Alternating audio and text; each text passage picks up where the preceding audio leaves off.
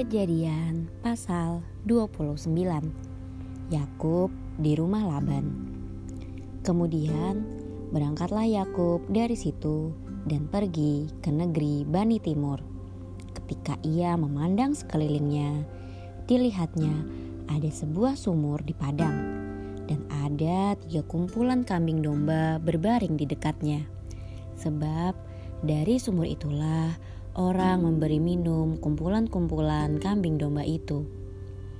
Adapun batu penutup sumur itu besar, dan apabila segala kumpulan kambing domba itu dikiring berkumpul ke sana, maka gembala-gembala menggulingkan batu itu dari mulut sumur, lalu kambing domba itu diberi minum. Kemudian dikembalikanlah batu itu lagi ke mulut sumur itu. Bertanyalah Yakub kepada mereka, "Saudara-saudara, dari manakah kamu ini?" Jawab mereka, "Kami ini dari Haran."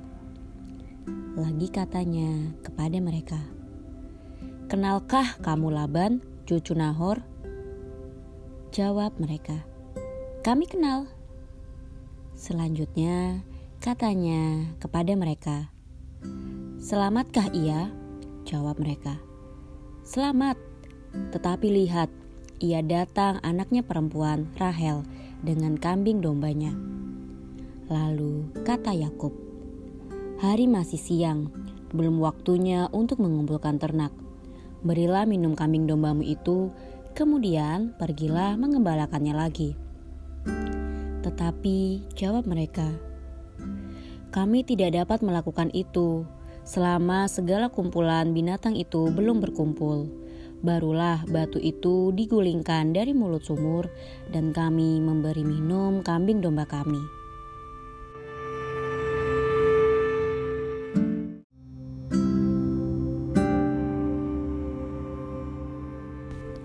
Selagi ia berkata-kata dengan mereka, datanglah Rahel dengan kambing domba ayahnya, sebab dialah yang menggembalakannya.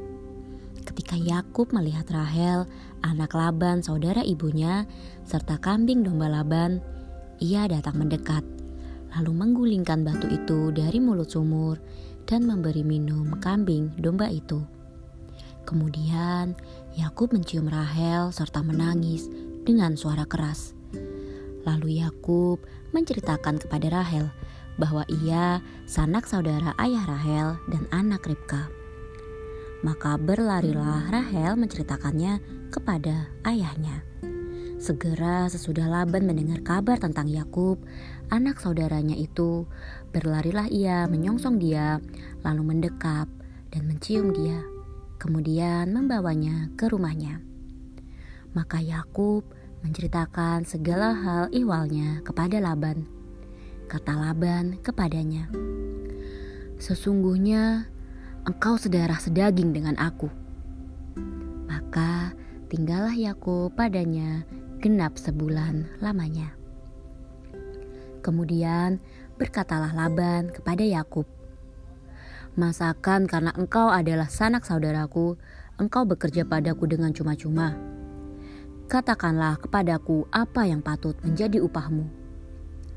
Laban mempunyai dua anak perempuan, yang lebih tua namanya Lea dan yang lebih muda namanya Rahel.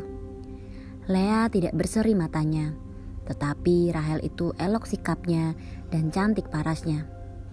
Yakub cinta kepada Rahel, sebab itu ia berkata, Aku mau bekerja padamu tujuh tahun lamanya untuk mendapat Rahel, anakmu yang lebih muda itu.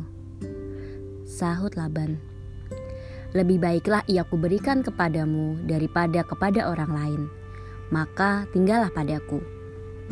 Jadi bekerjalah Yakub tujuh tahun lamanya untuk mendapat Rahel itu. Tetapi yang tujuh tahun itu dianggapnya seperti beberapa hari saja karena cintanya kepada Rahel. Sesudah itu berkatalah Yakub kepada Laban, berikanlah kepadaku bakal istriku itu, sebab jangka waktuku telah genap, supaya aku akan kawin dengan dia. Lalu Laban mengundang semua orang di tempat itu, dan mengadakan perjamuan. Tetapi pada waktu malam diambilnya lah Lea anaknya, lalu dibawanya kepada Yakub. Maka Yakub pun menghampiri dia. Lagi pula, Laban memberikan Silpa, budaknya perempuan, kepada Lea, anaknya itu menjadi budaknya. Tetapi pada waktu pagi tampaklah bahwa itu Lea. Lalu berkatalah Yakub kepada Laban, Apakah yang kau berbuat terhadap aku ini? Bukankah untuk mendapat Rahel, aku bekerja padamu? Mengapa engkau menipu aku? Jawab Laban. Tidak biasa orang berbuat demikian di tempat kami ini, mengawinkan adiknya lebih dahulu daripada kakaknya. Kenapilah dahulu tujuh hari perkawinanmu dengan anakku ini. Kemudian anakku yang lain pun akan diberikan kepadamu sebagai upah asal engkau bekerja pula padaku tujuh tahun lagi. Maka Yakub berbuat demikian. Ia menggenapi ketujuh hari perkawinannya dengan Lea. Kemudian Laban memberikan kepadanya Rahel, anaknya itu, menjadi istrinya.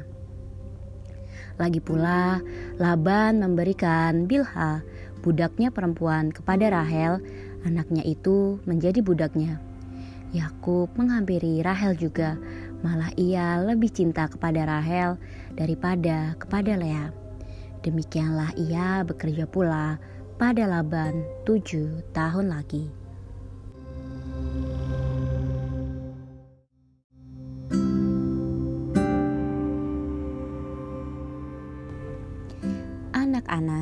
Yakub Ketika Tuhan melihat bahwa Lea tidak dicintai, dibukanyalah kandungannya, tetapi Rahel mandul. Lea mengandung lalu melahirkan seorang anak laki-laki dan menamainya Ruben, sebab katanya, Sesungguhnya Tuhan telah memperhatikan kesengsaraanku. Sekarang tentulah aku akan dicintai oleh suamiku.